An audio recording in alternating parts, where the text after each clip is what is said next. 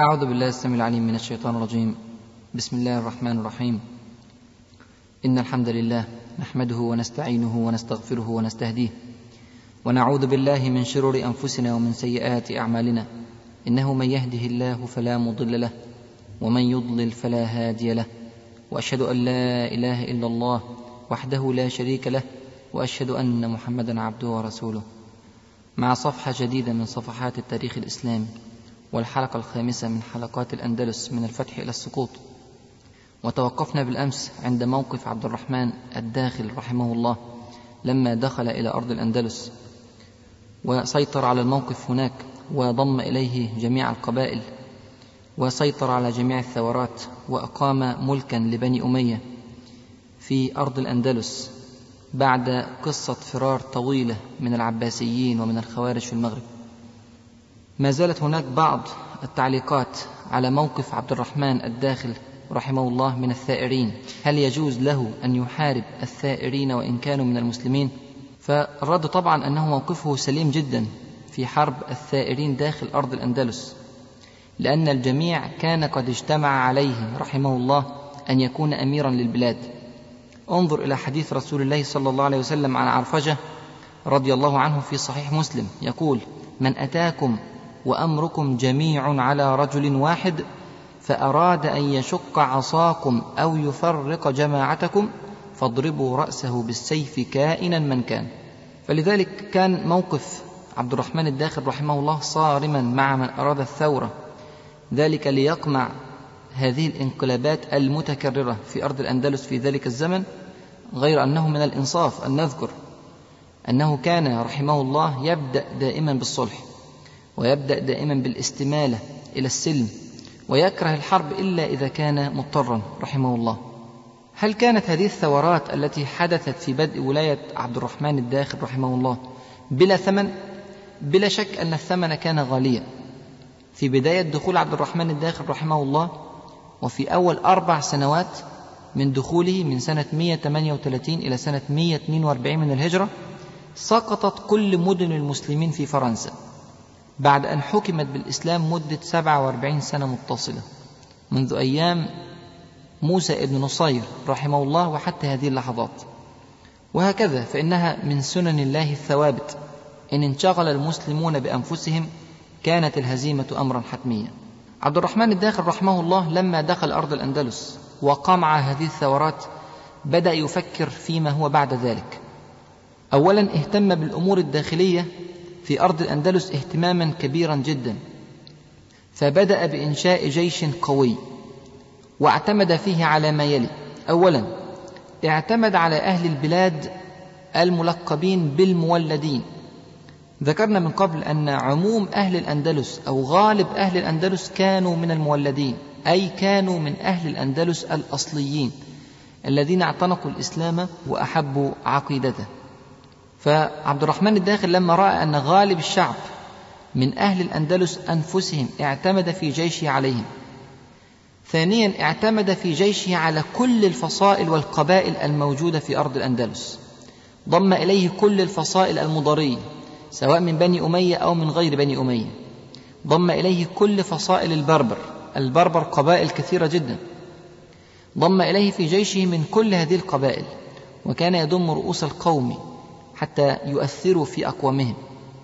بل إنه ضم إليه اليمانية مع علمه أن أبا الصباح اليحصبي يدبر له مكيدا وصبر عليهم صبرا طويلا حتى تمكن من الأمور تماما ثم تخلص منه كما ذكرنا بعد 11 سنة كاملة من توليه الحكم في البلاد. في عنصر ثالث هام جدا في جيش عبد الرحمن الداخل رحمه الله وهو عنصر الصقالبه الصقالبة. والصقالبة هؤلاء هم أطفال نصارى. اشتراهم عبد الرحمن الداخل من أوروبا. ورباهم تربية إسلامية عسكرية صحيحة. منذ أن اشتراهم منذ الميلاد يشتريهم وهم أطفال سنة سنتين ثلاث. ليس في أفكارهم أي فكر أو اتجاه معين أو دين معين. ثم يربيهم على تربية الإسلام الكاملة الشاملة.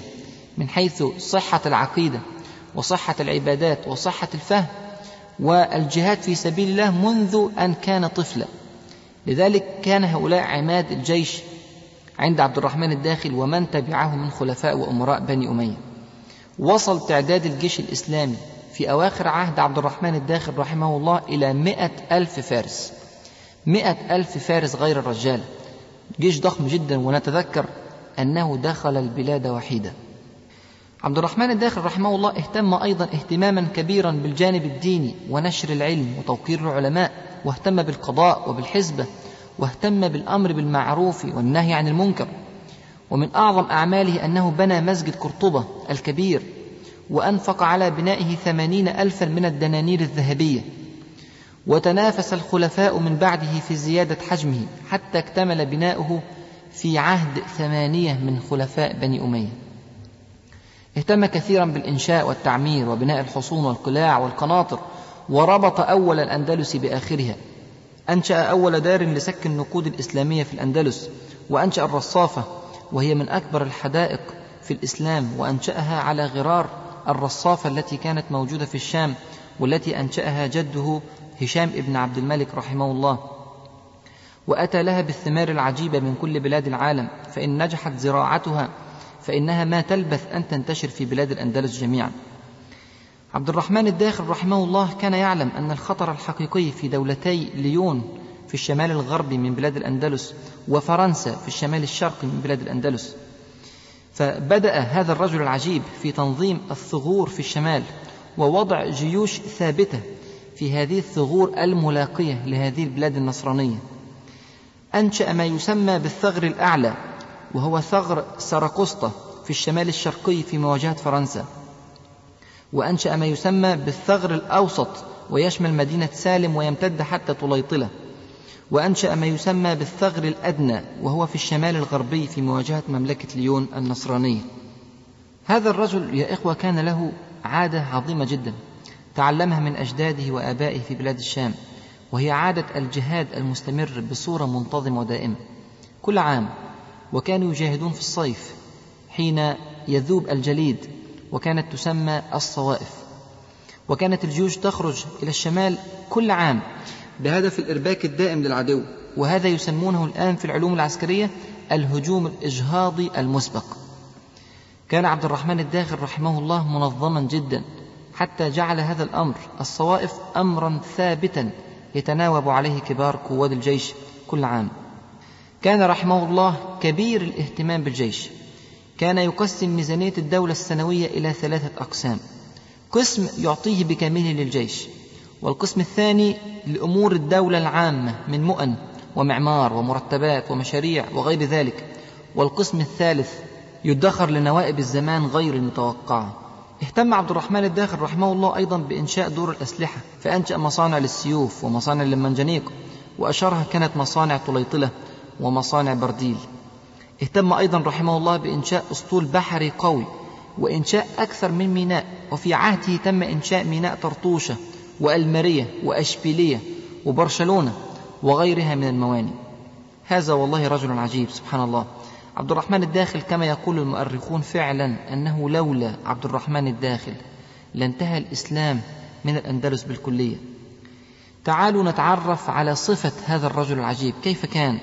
تعالوا نتعرف على كلام ابن حيان الأندلسي في وصفه لعبد الرحمن الداخل ليرسم صورة قدوة للشباب. فقد بدأ عبد الرحمن الداخل حياته في الأندلس وهو في الخامسة والعشرين من عمره. انظر ماذا كان يقول عنه ابن حيان.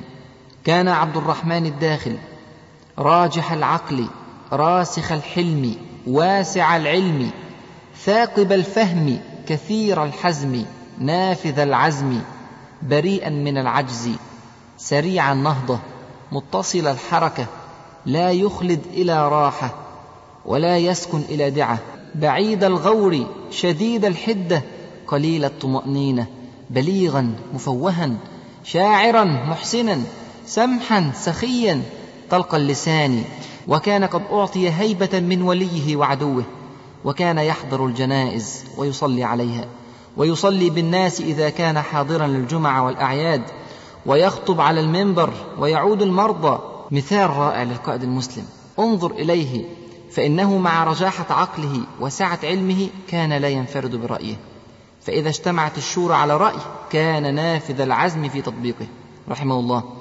ثم انظر إليه هو سريع النهضة متصل الحركة لا يخلد إلى راحة ولا يسكن إلى دعة. وهذه يا إخوة حياة المؤمنين الصادقين أعمال الخير دائما أكثر من الأوقات يتعجب المرء أحيانا لما يجد الشباب في سن عبد الرحمن الداخل أو الرجال أكبر من عبد الرحمن الداخل يقضون الساعات والساعات أمام شاشات التلفزيون والساعات والساعات على المقاهي والنوادي في غير مصلحة له ولا للمسلمين وأتعجب هل عندهم وقت لهذا؟ أين وقت التعلم والتفقه في الدين؟ أين وقت التعلم والتفقه في الدنيا؟ أين وقت الصلاة والقيام والذكر والقرآن؟ أين وقت عيادة المرضى وشهود الجنائز وصلة الأرحام وبر الوالدين؟ أين وقت خدمة الناس والقيام على مصالحهم؟ أين وقت تتبع أخبار المسلمين في مشارق الأرض ومغاربها؟ انظر إلى عبد الرحمن الداخل وتعلم يا أخي انظر كيف كانت همومه عظيمة وهو مع ذلك يقوم بكل هذا ولو وكل أحدا ما لامه أحد. انظر إليه مع شدته وحزمه وجهاده وقوته تجده شاعرا محسنا رقيقا مرهف المشاعر. انظر إليه مع كونه ذا هيبة عظيمة عند أوليائه وأعدائه فإنه يتبسط مع الرعية ويعود مرضاهم ويشهد جنائزهم ويصلي بهم ومعهم. انظر إليه مع كونه قليل الطمأنينة وشديد الحذر لا يمنعه ذلك من الاختلاط بالناس ومن السير في وسطهم دون حراس يعزلونه عن الشعوب. وكيف يمتنع من شعبه وهو المحبوب بينهم؟ المقرب إلى قلوبهم. حتى خاطبه مقربوه في ذلك. خاطبوه وقالوا وأشاروا عليه ألا يخرج وسط الناس كثيرا حتى لا يتبسطوا معه. سبحان الله تذكر عمر بن الخطاب حكمت فعدلت فأمنت فنمت يا عمر. انظر إلى همته وقد أتى مطاردا مشردا مطلوب الرأس. تجري وراءه قوى الأرض جميعا من عباسيين في المشرق. وخوارج في المغرب. ونصارى في الشمال. وثورات في الداخل. فإذا به يؤسس هذا البنيان القوي المتين. هذه الدولة العظيمة ذات المجد التليد. وكان رحمه الله يحافظ على شعور الناس جميعا. حتى البسيط من هؤلاء الناس. يحكى أنه طلب منه أحد الناس أمرا أمام الناس فقضاه له ثم قال له وإذا ألم بك خطب أو حزبك أمر فارفعه إلينا في رقعة لا تعدوك كيما نستر عليك. وذلك بعد رفعك لها إلى مالكك ومالكنا عز وجهه بإخلاص الدعاء وصدق النية. انظر إليه كيف يربي الناس. يربيهم أن يرفعوا حاجتهم في البداية لرب العالمين سبحانه وتعالى. يربيهم أن الله سبحانه وتعالى يملكهم ويملكه هو. عبد الرحمن الداخل رحمه الله. ثم إذا رفعت الحاجة إليه أمره أن ترفع في رقعة حتى يستر عليه حاجته ولا يشمت فيه أعداءه. انظر إليه رحمه الله كيف كان يستفيد من كل الناس من حوله. دخل عليه أحد الجنود في يوم من الأيام وكان هذا اليوم يوم انتصار على النصارى فتحدث معه الجندي بأسلوب فيه إساءة أدب وفيه رفع صوت فأخذ يعلمه رحمه الله عبد الرحمن الداخل يقول له يا هذا إني أعلمك من جهل إنه يشفع لك في هذا الموقف هذا النصر الذي نحن فيه عليك بالسكينة والوقار فإني أخاف أن تسيء الأدب في يوم ليس فيه نصر فأغضب عليك. فإذا بالجندي يرد عليه ردا في منتهى الذكاء يقول له أيها الأمير عسى الله أن يجعل عند كل زلة لي نصر لك فتغفر لي زلاتي. فقال الأمير عبد الرحمن الداخل رحمه الله هذا ليس اعتذار جاهل. وقربه إليه ورفع من شأنه. انظر إليه كيف أنه ألغى الضغينة تماما من قلبه وكيف استفاد به لما رأى ذكاءه ولما رأى قدرته على التصرف في مثل هذه الأمور. عبد الرحمن الداخل رحمه الله ظل فترة طويلة جدا يختبر في أبنائه. تراه يستخلف الابن الأكبر سليمان أم يستخلف الصغير هشام ابن عبد الرحمن الداخل. وبعد اختبارات كثيرة واستشارات واستخارات استقر رأيه على الصغير. هشام ابن عبد الرحمن الداخل فولاه العهد مع كونه أصغر من أخيه. وسبحان الله هشام هذا كانوا يشبهونه بعمر بن عبد العزيز رضي الله عنه وأرضاه في علمه وعمله وتقواه. ظل عبد الرحمن الداخل يحكم البلاد من سنة 138 هجرية إلى سنة 172 هجرية أي أنه ظل يحكم قرابة 34 عاما. كانت هذه هي بداية تأسيس عهد ما يسمى بعهد الإمارة الأموية في بلاد الأندلس والتي ذكرنا أنها استمرت من سنة 138 هجرية إلى سنة 316 هجرية. هذه الفترة نستطيع لكي نفهمها أن نقسمها إلى ثلاث فترات رئيسية.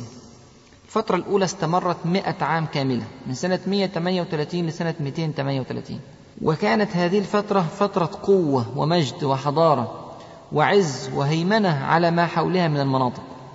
أما الفترة الثانية فكانت فترة ضعف واستمرت 62 سنة من 238 إلى سنة 300 ثم الفترة الأخيرة وهي من سنة 300 إلى ما بعدها وسنتحدث عنها بعد ذلك إن شاء الله. أولا بالنسبة لعهد القوة هذا العهد الذي بدأ من 138 إلى سنة 238 تحدثنا أن البداية فيه كانت لعبد الرحمن الداخل رحمه الله ثم خلفه من بعده ثلاث أمراء. الأمير الأول هو الابن المباشر لعبد الرحمن الداخل هشام ابن عبد الرحمن الداخل.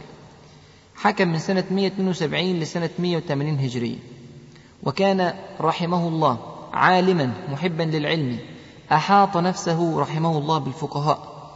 وكان له أثر عظيم في بلاد الأندلس. لماذا؟ لأنه نشر اللغة العربية بمجهود وافر وعظيم. حتى أصبحت اللغة العربية تدرس في معاهد اليهود والنصارى في داخل أرض الأندلس. نشر رحمه الله المذهب المالكي بدلا من المذهب الأوزاعي وكانت له صولات وجولات كثيرة جدا مع ممالك النصارى الشمالية. تولى من بعد هشام ابن عبد الرحمن الداخل ابنه الحكم ابن هشام. من سنة 180 لسنة 206 لكن هذا سبحان الله لم يكن على شاكلة أبيه ولا على شاكلة جده. كان قاسيا جدا. فرض الكثير من الضرائب واهتم بالشعر واهتم بالصيد وقاوم الثورات بأسلوب غير مسبوق في بلاد الأندلس في عهد الإمارة الأموية. كان يحرق بيوت الثائرين وكان يطردهم خارج البلاد. ومن أشهر الثورات التي قمعها ثورة قوم يسمون بالربض. والربض هذه منطقة في جوار قرطبة. ثار أهلها ثورة كبيرة جدا على الحكم ابن هشام فأحرق ديارهم وطردهم خارج البلاد. وسبحان الله انظر إلى تدبير الله سبحانه وتعالى.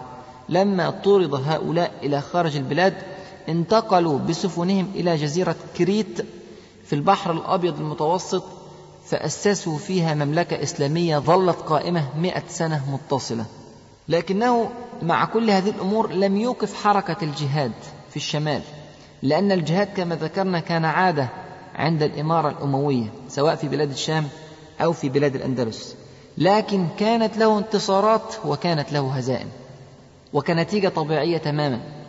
لهذا الظلم الذي كان من عند الحكم ابن هشام وهذه العلاقة التي ساءت بين الحاكم والمحكوم سقطت بعض البلاد الإسلامية في يد النصارى. سقطت برشلونة وأصبحت تكون إمارة نصرانية صغيرة جدا في الشمال الشرقي عرفت في التاريخ باسم إمارة أراغون. إمارة أراغون وكانت متاخمة لحدود فرنسا بجوار جبال البيرينيه في الشمال الشرقي للبلاد.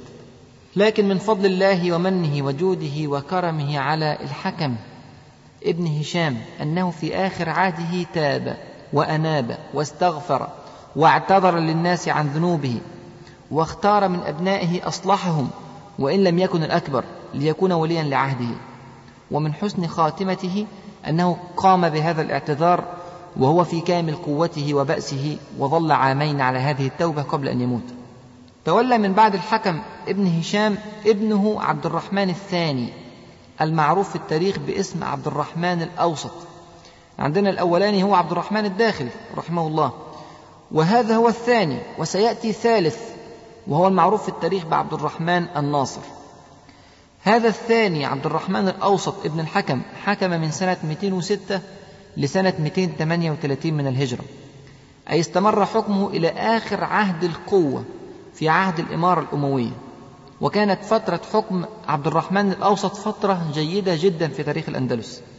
استأنف الجهاد من جديد ضد النصارى في الشمال وألحق بهم هزائم عدة. وكان حسن السيرة هادئ الطباع محبا للعلم محبا للناس رحمه الله. أعلق في حياته على ثلاثة أمور. الأمر الأول هو ازدهار الحضارة العلمية. انتشر العلماء في كل مجال. وكان أشهر هؤلاء العلماء عباس ابن فرناس رحمه الله. ومعروف جدا أنه أول من حاول محاولة الطيران في العالم. وسبحان الله ضاع ضحية هذه المحاولة. أيضا كانت له اختراعات كثيرة. اخترع آلة لتحديد الوقت واخترع آلة تشبه القلم الحبر. وإحنا يعني قد نستصغر مثل هذا الاختراع قلم الحبر لكن كانت له أهمية كبيرة جدا في ذلك الزمن.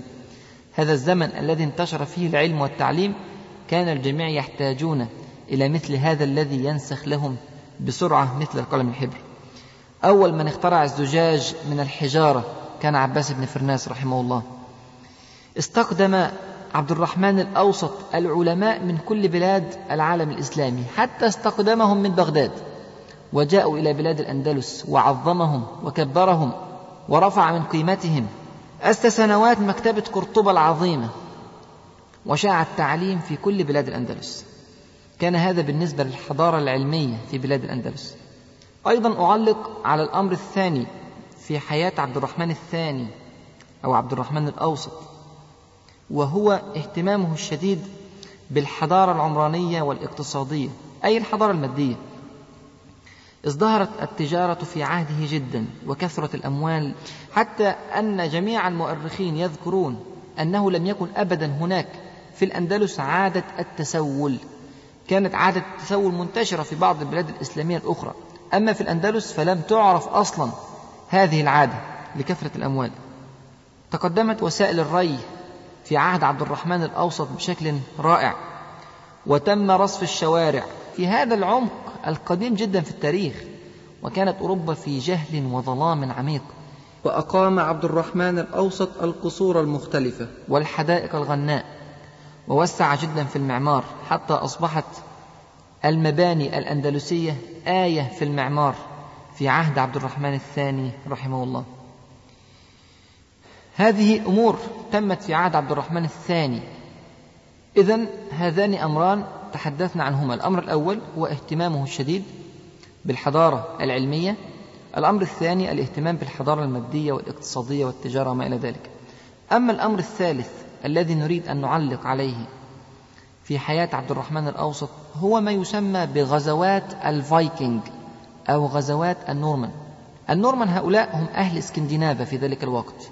اسكندنافا دي بلاد بتضم الدنمارك والنرويج وفنلندا والسويد. هذه البلاد كما ذكرنا في أول الدروس كانت تعيش في همجية مطلقة وكانوا يعيشون على حرب العصابات. هذه البلاد فعلت ما يسمى بغزوات الفايكنج وهي غزوات إغارة تغير على بلاد العالم في أماكن مختلفة متفرقة. ليس لها هم إلا جمع المال وهدم الديار وما إلى ذلك. فهاجمت على أشبيلية في سنة 230 من الهجرة في عهد عبد الرحمن الثاني أو عبد الرحمن الأوسط. وكان قوام الجيش الإسكندنافي في هذه الموقعة 54 سفينة. دخلوا فأفسدوا في البلاد فسادا كبيرا. هذه هي طبيعة الحروب المادية بصفة عامة. كل الجيوش المادية تدخل فتفسد في البلاد إفسادا عظيما وشتان سبحان الله بين المسلمين. في فتحهم للبلاد وبين غيرهم في معاركهم.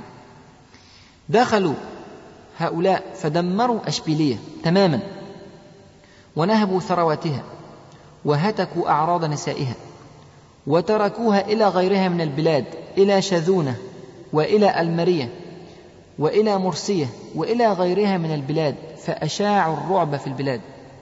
عبد الرحمن الثاني رحمه الله جهز جيوشه. ودارت بينه وبينهم. معارك ضارية استمرت أكثر من مئة يوم كاملة. ومن الله على المسلمين بالنصر. وغرقت خمسة وثلاثين سفينة كاملة للفايكنج. وعادوا إلى بلادهم خائبين. انظر يا أخي إلى عبد الرحمن الأوسط رحمه الله. كيف كان رد فعله لهذا الحدث الكبير العظيم في هذا الوقت. استفاد جدا من الأخطاء التي كانت سببا في دخول الفايكنج إلى هذه البلاد. أولا أنشأ سور ضخم جدا حول أشبيلية. أشبيلية تقع على نهر الوادي الكبير ونهر الوادي الكبير يصب في المحيط الأطلنطي. ومن السهولة جدا أن تدخل سفن الفايكنج أو غيرها من السفن من المحيط الأطلنطي إلى أشبيلية. لذلك حصنها تحصينا ظلت بعده من أحصن حصون الأندلس بصفة عامة. الأمر الثاني أنشأ أسطولين قويين جدا واحد في الأطلسي والآخر في البحر الأبيض المتوسط حتى يدافع عن سواحل الأندلس. فكانت هذه الأساطيل تجوب البحار تصل إلى أعلى حدود الأندلس في الشمال عند مملكة ليون وتصل في البحر الأبيض المتوسط إلى إيطاليا. وكان من نتيجة ذلك أنه فتح جزر البليار للمرة الثانية. نذكر أن الذي فتح جزر البليار للمرة الأولى كان موسى بن نصير رحمه الله وذلك قبل فتح بلاد الأندلس في سنة 91 من الهجرة. ثم سقطت جزر البليار في يد النصارى في عهد الولاة الثاني لما انحدر حال المسلمين هناك. ثم أعاد من جديد عبد الرحمن الأوسط رحمه الله فتح جزر البليار في سنة 234 من الهجرة. كانت هناك نتيجة أخرى عظيمة جدا. لهزيمة الفايكنج في هذه الموقعة وهي السفارة التي جاءت من الدنمارك. تطلب ود المسلمين وتطلب المعاهدة معهم وترسل الهدايا. وهكذا فالبعض من البشر لا تردعه إلا القوة. كان هذا هو عصر القوة في الإمارة الأموية. بدأ كما ذكرنا من سنة 138 إلى سنة 238 وتعاقب فيه على الحكم أربعة من أمراء بني أمية عبد الرحمن الداخل ثم أبناؤه من بعده كما ذكرنا. ثم بوفاة عبد الرحمن الأوسط رحمه الله يبدأ عهد جديد في بلاد الأندلس وهو عهد الضعف في الإمارة الأموية من سنة 238 إلى سنة 300 من الهجرة يعني حوالي 62 سنة متصلة يتولى من بعد عبد الرحمن الأوسط ابنه محمد ابن عبد الرحمن الأوسط ثم اثنين من أولاده المنذر ثم عبد الله. لكن الإنسان الحقيقة يتعجب جدا. كيف بعد هذه القوة العظيمة والبأس الشديد والهيمنة على أرض الأندلس وما حولها يحدث هذا الضعف وهذا السقوط وهذا الانحدار. لحظة إنه ليس من سنن الله أن تسقط الأمم فجأة. إن الأمر يكون متدرجا ومزمنا. وعلى فترات طويلة.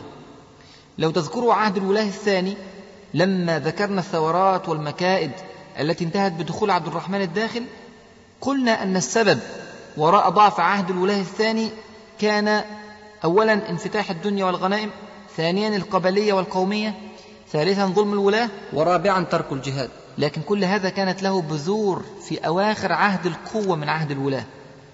بدأت هذه البذور أثناء وبعد موقعة بلاط الشهداء. إذا لكي نفهم سبب ضعف الإمارة الأموية علينا أن نعود وندرس الفترة الأخيرة من عهد القوة ونبحث فيها عن البذور بذور الضعف والأمراض التي أدت إلى هلكة أو ضعف الدولة الأموية في عهد الإمارة الثاني. أولا من جديد انفتاح الدنيا على المسلمين وكثرة الأموال. وهذا زاد بشدة في آخر عهد الإمارة الأموية أو في آخر عهد القوة من الإمارة الأموية. زادت الأموال بشدة وازدهرت التجارة ولم يوجد هناك في البلاد فقير. وفتن الناس بالمال وأكرر على أسماعكم حديث رسول الله صلى الله عليه وسلم. فوالله لا الفقر أخشى عليكم ولكن أخشى أن تبسط الدنيا عليكم كما بسطت على من كان قبلكم فتنافسوها كما تنافسوها فتهلككم كما أهلكتهم. رسول الله صلى الله عليه وسلم كان يخشى على المؤمنين بشدة من هذه الفتنة. كان يقول صلى الله عليه وسلم إن لكل أمة فتنة وفتنة أمة المال. كان يقلل صلى الله عليه وسلم كثيرا من قيمة الدنيا. كان يقول ما الدنيا في الآخرة إلا كما يضع أحدكم إصبعه في اليم فلينظر بما يرجع. والدرس خطير ومتكرر. ثانيا السبب الثاني لضعف الإمارة الأموية في الفترة الثانية هو زرياب. وما أدراك ما زرياب؟ سبحان الله. زرياب هذا مطرب. من مطربي بغداد. تربى هناك في بيوت الخلفاء. وكان يغني لهم. وكان معلمه هو إبراهيم الموصلي وهو كبير مطربي بغداد في ذلك الوقت. ومع مرور الوقت لمع نجم زرياب هناك في آه، بغداد فغار منه إبراهيم الموصلي فدبر له مكيدة فطرد من البلاد. طبعا زرياب خرج من بغداد يفكر أروح فين؟ يعني أروح في مشارق الأرض الإسلامية ومغاربها كثيرة جدا الدولة العباسية متسعة جدا. لكن الحقيقة وجد ضالته في الأندلس. أرض غنية جدا فيها أموال كثيرة فيها قصور فيها حدائق. هذه البلاد هي التي تستقبل المطربين في ذلك الزمن مع أن الأندلس إلى هذه الفترة لم يكن فيها غناء.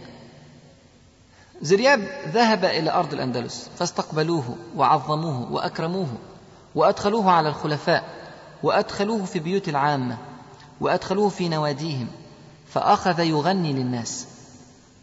وأخذ يعلمهم ما قد تعلمه هناك في بغداد. ولم يكتفي زرياب بتعليمهم الغناء وتكوين ما يسمى بالموشحات الأندلسية المشهورة لكنه بدأ يعلمهم فنون الموضة. بدأ يقول للناس هناك لبس خاص بالصيف ولبس خاص بالشتاء ولبس خاص بالربيع ولبس خاص بالخريف هكذا. لبس خاص بالمناسبات العامة كل مناسبة لها لبس خاص. هكذا تعلم هناك في أرض بغداد ولم يكن الناس في الأندلس على هذه الشاكلة. فأخذوا يتعلمون من زرياب. أخذ يعلمهم فنون الطعام. كل يوم أكلة جديدة كل يوم صنف جديد. وهكذا تعلم الناس ألوانا كثيرة من الطعام. أخذ يحكي لهم حكايات الأمراء والخلفاء. أخذ يحكي لهم حكايات الأساطير والروايات وما إلى ذلك. حتى تعلق الناس به بشدة. وتعلق الناس بالغناء وكثر المطربون في بلاد الأندلس. ثم بعد ذلك انتشر الرقص وكان في البداية بين الرجال ثم انتقل إلى غيرهم وهكذا. في هذا الوقت الذي دخل فيه زرياب إلى أرض الأندلس هذا الوقت كان في عهد عبد الرحمن الأوسط رحمه الله هذا الرجل الذي اهتم بالعلم والحضارة والعمران والاقتصاد وما إلى ذلك. لكنه للأسف ترك زرياب يفعل كل هذه الأمور. في هذا الوقت الذي كانت فيه النهضة العلمية موجودة وكان العلماء كثيرين إلا أن كلام زرياب صرف الناس عن سماع العلماء إلى سماع زرياب. صرف الناس عن سماع حديث رسول الله صلى الله عليه وسلم وصرف الناس عن سماع قصص السلف الصالح إلى سماع حكايات زرياب العجيبة وأساطيره الغريبة. بل صرف الناس يا إخوة والله عن سماع القرآن إلى سماع أغاني زرياب. وهذا ليس عجيبا وليس جديدا. لو تذكروا في بداية دعوة رسول الله صلى الله عليه وسلم كان هناك رجل اسمه النضر بن الحارث. هذا الرجل كان من رؤوس الكفر في مكة. ولما رأى أن رسول الله صلى الله عليه وسلم يخاطب الناس بالقرآن فيتأثرون ويبكون ويؤمنون بهذا الدين ذهب إلى بلاد فارس قطع اميالا كثيرة وقضى هناك فترات طويلة. يفعل ماذا في بلاد فارس؟ يتعلم هناك حكايات رستم وإسفنديار ويتعلم هناك الأساطير الفارسية واشترى غانيتين وعاد إلى بلاد مكة. فإذا وجد في قلب رجل ميلا إلى الإسلام أرسل له الغانيتين تغنيان له. مما عرفه في بلاد فارس من حكايات رستم واسفنديار حتى يلهياه عن هذا الدين. وهكذا ظل يفعل هذا كحرب مضادة للدعوة الإسلامية في بلاد مكة. فأنزل الله سبحانه وتعالى فيه قرآنا ومن الناس من يشتري لهو الحديث ليضل عن سبيل الله. هكذا نزلت ويقول عبد الله بن مسعود رحمه الله إنه يقسم أنها ما نزلت إلا في الغناء. هكذا يا إخوة والله الشيطان لا ينام ولا يهدأ حتى في وجود هذه النهضة العلمية. ثم لآتينهم من بين أيديهم ومن خلفهم وعن أيمانهم وعن شمائلهم ولا تجد أكثرهم شاكرين. كلما زاد الاهتمام بالدين كلما نشط الشيطان عن طريق زرياب ومن سار على نهج زرياب إلى يومنا هذا. وإحنا طبعا بنشوف في رمضان كلما ارتقى مستوى الإيمان عند الناس وكلما تعلقت قلوبهم بالمساجد كلما زاد الشيطان في أثره وفي مفعوله. وهكذا يضع الناس على طريق غير التي أرادها الله سبحانه وتعالى لهم. تعالوا يا إخوة نمشي في الشارع ناخد عينة عشوائية من الناس. واسألهم إن كانوا يحفظون من الأغاني أكثر من القرآن فهذا أمر خطير جد خطير. إن كانوا يحفظون قصص الأفلام والمسلسلات أكثر من قصص الأنبياء والصحابة والفتوح الإسلامية وما إلى ذلك فالأمر أيضا جد خطير. والله يا إخوة كنت أعطي هذه المحاضرة في مكان يحضر فيه كثير من المغاربة والتوانسة والجزائريين. وأثناء إلقاء المحاضرة ذكرت قصة زرياب هذا. لكن الحقيقة أنا ما كنتش أعرف اسمه آه، معرفة جيدة. فذكرته زرياد بالدال وليس بالباء. ومحاضرة خلصت وعدت وبعد المحاضرة جاء لي أخ من تونس. قال لي على فكرة الرجل اسمه زرياب مش زرياد. فقلت يعني جزاكم الله خيرا. يعني بس يعني بيني وبينكم تعجبت. أنه يعرف يعني رجل مغني ميت من أكثر من 1200 سنة. هناك في بلاد الأندلس. يعني قلت هذا رجل واسع الاطلاع ما شاء الله يعني. آه، بعدها بشوية جالي واحد جزائري يقول لي على فكرة الراجل اسمه زرياب مش زرياد. صلح لي الكلمة تاني. فقلت يعني سبحان الله يعني نفس ملحوظة لاحظها واحد تاني. فعديتها يعني. بعدها بقليل جاء واحد من تونس مرة ثانية أو مرة ثالثة يقول آه على فكرة الراجل آه المطرب اسمه زرياب مش زرياد. تصليح لثالث مرة. قلت لا بقى. يبقى أكيد ده رجل يعني فاقت شهرته الآفاق. فيعني تحدثت معهم فوجدت أنه إلى الآن زرياب ما زال له اسم وسيط كبير جدا في كل بلاد المغرب العربي في تونس والجزائر والمغرب. وسبحان الله كثير من هؤلاء الناس لم يسمع عن السمح بن مالك الخولاني ولم يسمع عن عنبسة ابن سحيم رحمهم الله لو تذكروا هؤلاء من ولاة المسلمين في عهد الولاة. لم يسمعوا عن عقبة ابن الحجاج الذي تحدثنا عنه في فترة الولاة. ولم يسمعوا عن تفاصيل عبد الرحمن الداخل. ولم يسمعوا عن تفاصيل عبد الرحمن الأوسط.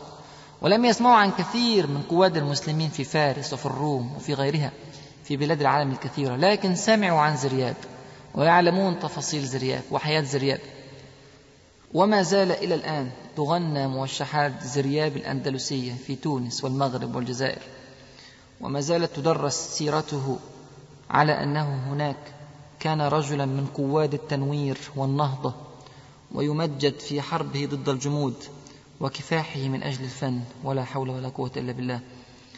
أذكر أيضا أني سمعت رجلا والله سمعته بأذني في إذاعة من الإذاعات يتحدث عن أن الله سبحانه وتعالى من علينا بأنه هرب من الأندلس بعد سقوطها رجال إلى بلاد المغرب وإلى بلاد الجزائر وتونس ومعهم الآلات الموسيقية فحافظوا للناس الكمان وحافظوا للناس آه، بعض الآلات الموسيقية يعني لا أذكر أسماءها وحافظوا للناس الموشحات الأندلسية وما إلى ذلك.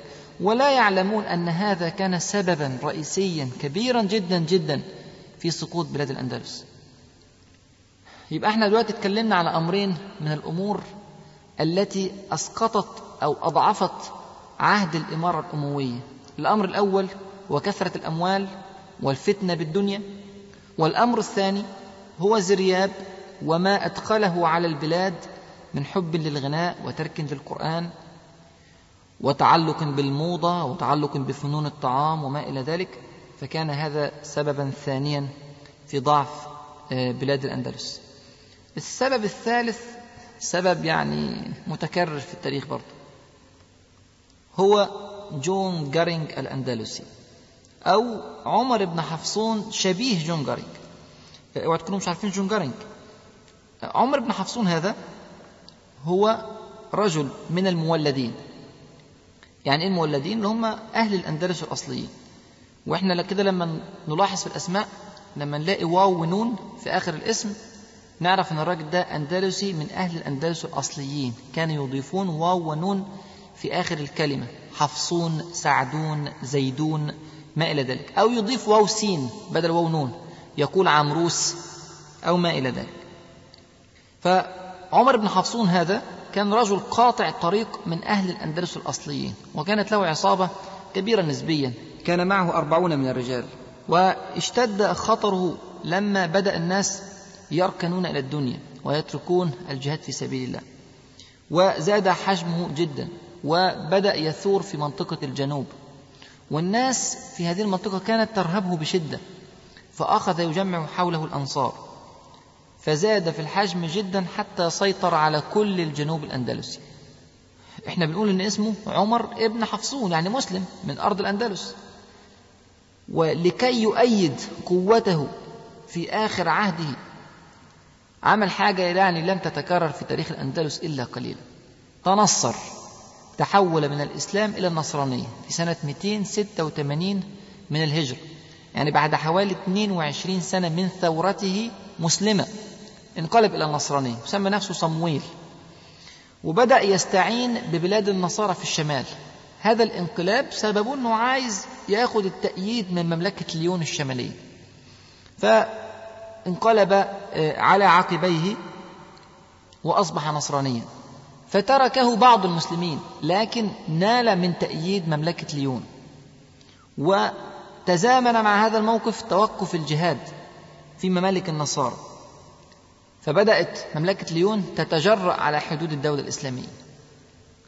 فبدأت تهاجمها من الشمال وعمر بن حفصون أو صمويل بدأ هو يهاجمها من الجنوب. تماما سبحان الله كما تفعل أمريكا واليهود الآن مع جون جارينج المتمرد في جنوب السودان. طبعا هدفهم واضح جدا. أولا لما يمدوا جون جارينج بالسلاح والخطط والخرائط والأغذية والأموال والمؤن وما إلى ذلك كل هذا يهدف إلى ضرب السودان من الداخل. السودان سوف تنشغل بنفسها فتضعف القوة التي في داخلها. ثم أيضا يوقفون المد الإسلامي من بلاد السودان إلى بلاد وسط إفريقيا. طبعا هذه خطة قديمة كما ذكرنا حدثت في بلاد الأندلس مع عمر بن حفصون ورغبوه في الانقلاب إلى النصرانية وتحول إلى صمويل ليضرب الأندلس من الداخل. وتحدث الآن مع جون جارينج في السودان وحدثت من قبل ذلك بكثير في عهد رسول الله صلى الله عليه وسلم لما راسلت قريش آه، عبد الله بن أبي بن سلول في المدينة المنورة وشجعته كثيرا على أن يحارب رسول الله صلى الله عليه وسلم وأن يطرده من بلاده وما إلى ذلك. طيب الآن بعد هذا الضعف الشديد بعد هذه العوامل المتفاعلة بعد هذه الفترة الطويلة نسبيا 62 سنة من الضعف تعالوا ننظر ونحلل الوضع في بلاد الأندلس في سنة 300 أي عند انتهاء عهد الضعف أو أواخر عهد الضعف آه، في بلاد الأندلس. نظرة عامة. أولا داخل الأندلس ثورات لا حصر لها بل واستقلالات بكثير من المناطق. أشهر هذه الاستقلالات بالطبع استقلال صمويل أو عمر بن حفصون القديم استقلاله بجنوب الأندلس. وكون ما يشبه الدويلة في هذه الرقعة من بلاد الأندلس وضم إليه الكثير الكثير من الحصون حتى ضم إليه كل حصون أستجة وكل حصون جيان. وإحنا طبعا بنفتكر هذه الأسماء عند فتح بلاد الأندلس كانت من أحسن المناطق الأندلسية على الإطلاق. وكانت غرناطة أحد المدن التي في حوزة عمر بن حفصون واتخذ له عاصمة سماها بابشتر في الجنوب بجوار المرية على ساحل البحر الأبيض المتوسط. يبقى ديت ثورة موجودة في جنوب الأندلس. الثورة الثانية الكبيرة جدا في أشبيلية. وفيها رجل اسمه ابن حجاج. وهذه الثورة كانت تمد وتساعد عمر بن حفصون أو تساعد صمويل في ثورته ضد قرطبة الأمر الثالث ثورة في شرق الأندلس في منطقة بلنسية. الأمر الرابع ثورة في منطقة ساراكوستا في الشمال الشرق. استقلت أيضا إمارة ساراكوستا عن الإمارة الأموية في قرطبة. ثورة في غرب الأندلس يقودها رجل اسمه عبد الرحمن الجليقي. ثورة في طليطلة وهكذا. كل هذه الثورات أدت إلى أنه الحكومة المركزية للإمارة الأموية لا تسيطر في كل بلاد الأندلس إلا على مدينة قرطبة فقط وما حولها من بعض القرى. هكذا انفرط العقد تماما في سنة 300 من الهجرة. توزعت البلاد بين كثير من القوات. كل يحارب الآخر وكل يبغي ملكا وكل يبغي مالا وكل يبغي دنيا. الأمر الخطير الآخر أنه في الشمال تكونت مملكة نصرانية ثالثة. ذكرنا من قبل أن هناك مملكة ليون. وهذه تكونت في عهد الولاة الثاني لما ضعف المسلمون في عهد الولاة الثاني. وكانت نواتها هي منطقة الصخرة التي لم تفتح بموسى ابن نصير ومن معه في بادئ الفتح. هذه مملكة ليون كانت في الشمال الغربي من البلاد. وذكرنا أنه تكونت مملكة صغيرة اسمها مملكة أراجون في عهد الحكم ابن هشام الذي تميز بظلم فحدثت له هزائم وتكونت مملكة أراجون في الشمال الشرقي للبلاد وكانت عاصمتها برشلونة. تكونت إمارة ثالثة انفصلت عن مملكة ليون وهي إمارة نافار. وفي بعض الكتب العربية تكتب نبارة هي نفس المملكة. وهي الآن مملكة نافار أو مملكة نبارة هذه هي الآن ما يعرف في أسبانيا بإقليم الباسك الذي فيه خلافات كثيرة وانشقاقات محاولات الانشقاق عن بلاد آه، أسبانيا الآن. هذه الثلاث ممالك النصرانية اجترأت كثيرا على البلاد الإسلامية. في الوقت الذي كانت هذه البلاد تخاف المسلمين في عهد الإمارة الأموية الأول الآن بدأت تهاجم شمال الأندلس وبدأت تدخل على بعض البلاد الإسلامية بل وبدأت تقتل من المسلمين المدنيين في هذه المدن الشمالية في بلاد الأندلس. أمر خطير آخر ويعبر عن مدى مأساة الفتنة في ذلك الوقت هو أن ولي العهد للأمير الذي يحكم البلاد في ذلك الوقت. الأمير ده كان اسمه عبد الله ابن محمد ابن عبد الرحمن الأوسط. ولي العهد لهذا الأمير قتل. من قتله؟ قتله أخوه المطرف ابن عبد الله. انظر كيف تكون الفتن وكيف تكون الأحوال عندما يتفرق المسلمون وعندما ينشغلون بدنياهم. وعندما ينشغلون بالأغاني والطرب وعندما ينشغلون بأنفسهم انظر كيف تكون العاقبة. قتل ولي العهد وكان اسمه محمد بن عبد الله وأصبح الوضع في منتهى الخطورة. ثورات في الداخل حكومات نصرانية في الشمال تهجم على المسلمين وليس للبلاد ولي عهد وزادت الأمور سبحان الله بظهور دولة جديدة في بلاد المغرب كانت من أشد الدول خطورة على بلاد الأندلس وهي الدولة الفاطمية أو المسماة بالفاطمية الدولة العبيدية. هذه الدولة ظهرت في سنة 296 من الهجرة يعني قبل سنة 300 بأربع سنوات فقط. ظهرت هذه الدولة في بلاد المغرب العربي وكانت دولة شيعية خبيثة جدا كان من همها الأول قتل علماء السنة في بلاد المغرب العربي ومحاولة نشر نفوذها في هذه المنطقة آه، من حول بلاد المغرب. فانتشرت بسرعة من بلاد المغرب إلى الجزائر إلى تونس. ثم نعلم بعد ذلك أنها انتشرت إلى مصر وإلى الشام وإلى الحجاز وغير ذلك. هذه الدولة لما ظهرت كان من أخطر أعمالها أنها أمدت عمر بن حفصون أو صمويل بالسلاح والمؤن والغذاء عن طريق مضيق جبل طارق من الجنوب لأن عمر بن حفصون أو صمويل بيضرب في الخلافة الأموية السنية الموجودة في قرطبة. فكان هذا عاملا آخر يزيد من صعوبة الموقف في هذه الآونة. أيضا لما تنظر إلى الشعب في بلاد الأندلس تجد أن الشعب قد توقف تماما عن التفكير في الجهاد وانتشر في الناس روح غريبة جدا روح سلبية. معظم الناس يقول أنه ليس هناك فائدة ليس هناك طائل من محاولة التغيير. ضاع الأمر بالكلية. كنا منذ قليل نتحدث عن عبد الرحمن الداخل رحمه الله وعن خلفائه وعن عهد القوة. ثم حدث هذا الانهيار الكبير المتدرج المزمن في بلاد الأندلس حتى وصلنا في سنة 300 وغالب أهل الأندلس يشعر أنه لا أمل في الإصلاح. طيب ننظر نظرة أوسع من بلاد الأندلس. تعالوا كده نبص على أقطار العالم الإسلامي المختلفة. في الشرق وفي الغرب. مصر والشام يحكمها الإخشيديون. الموصل يحكمها ابن حمدان. القرامطة يحكمون البحرين واليمامة. أصبهان يحكمها بنو بويه. خراسان يحكمها نصر الساماني. طبرستان يحكمها الديلم. الأهواز يحكمها البريديون. كرمان يحكمها محمد بن إلياس. أين الدولة العباسية؟ أين الخلافة العباسية؟ الخلافة العباسية كانت لا تحكم إلا بغداد فقط. لا تبسط سيطرتها حتى على أطراف العراق. كان هذا هو الوضع. لم يكن هناك أي أمل في أي مدد من بلاد العالم الإسلامي لبلاد الأندلس. كانت بلاد العالم الإسلامي كلها مشتتة ومفرقة ولا حول ولا قوة إلا بالله. الناظر إلى بلاد الأندلس في ذلك الوقت يشعر أنه لا محالة الإسلام سينتهي من هذه البلاد. ما هي إلا أيام أو شهور أو سنوات قلائل ويدخل النصارى ويأخذ البلاد.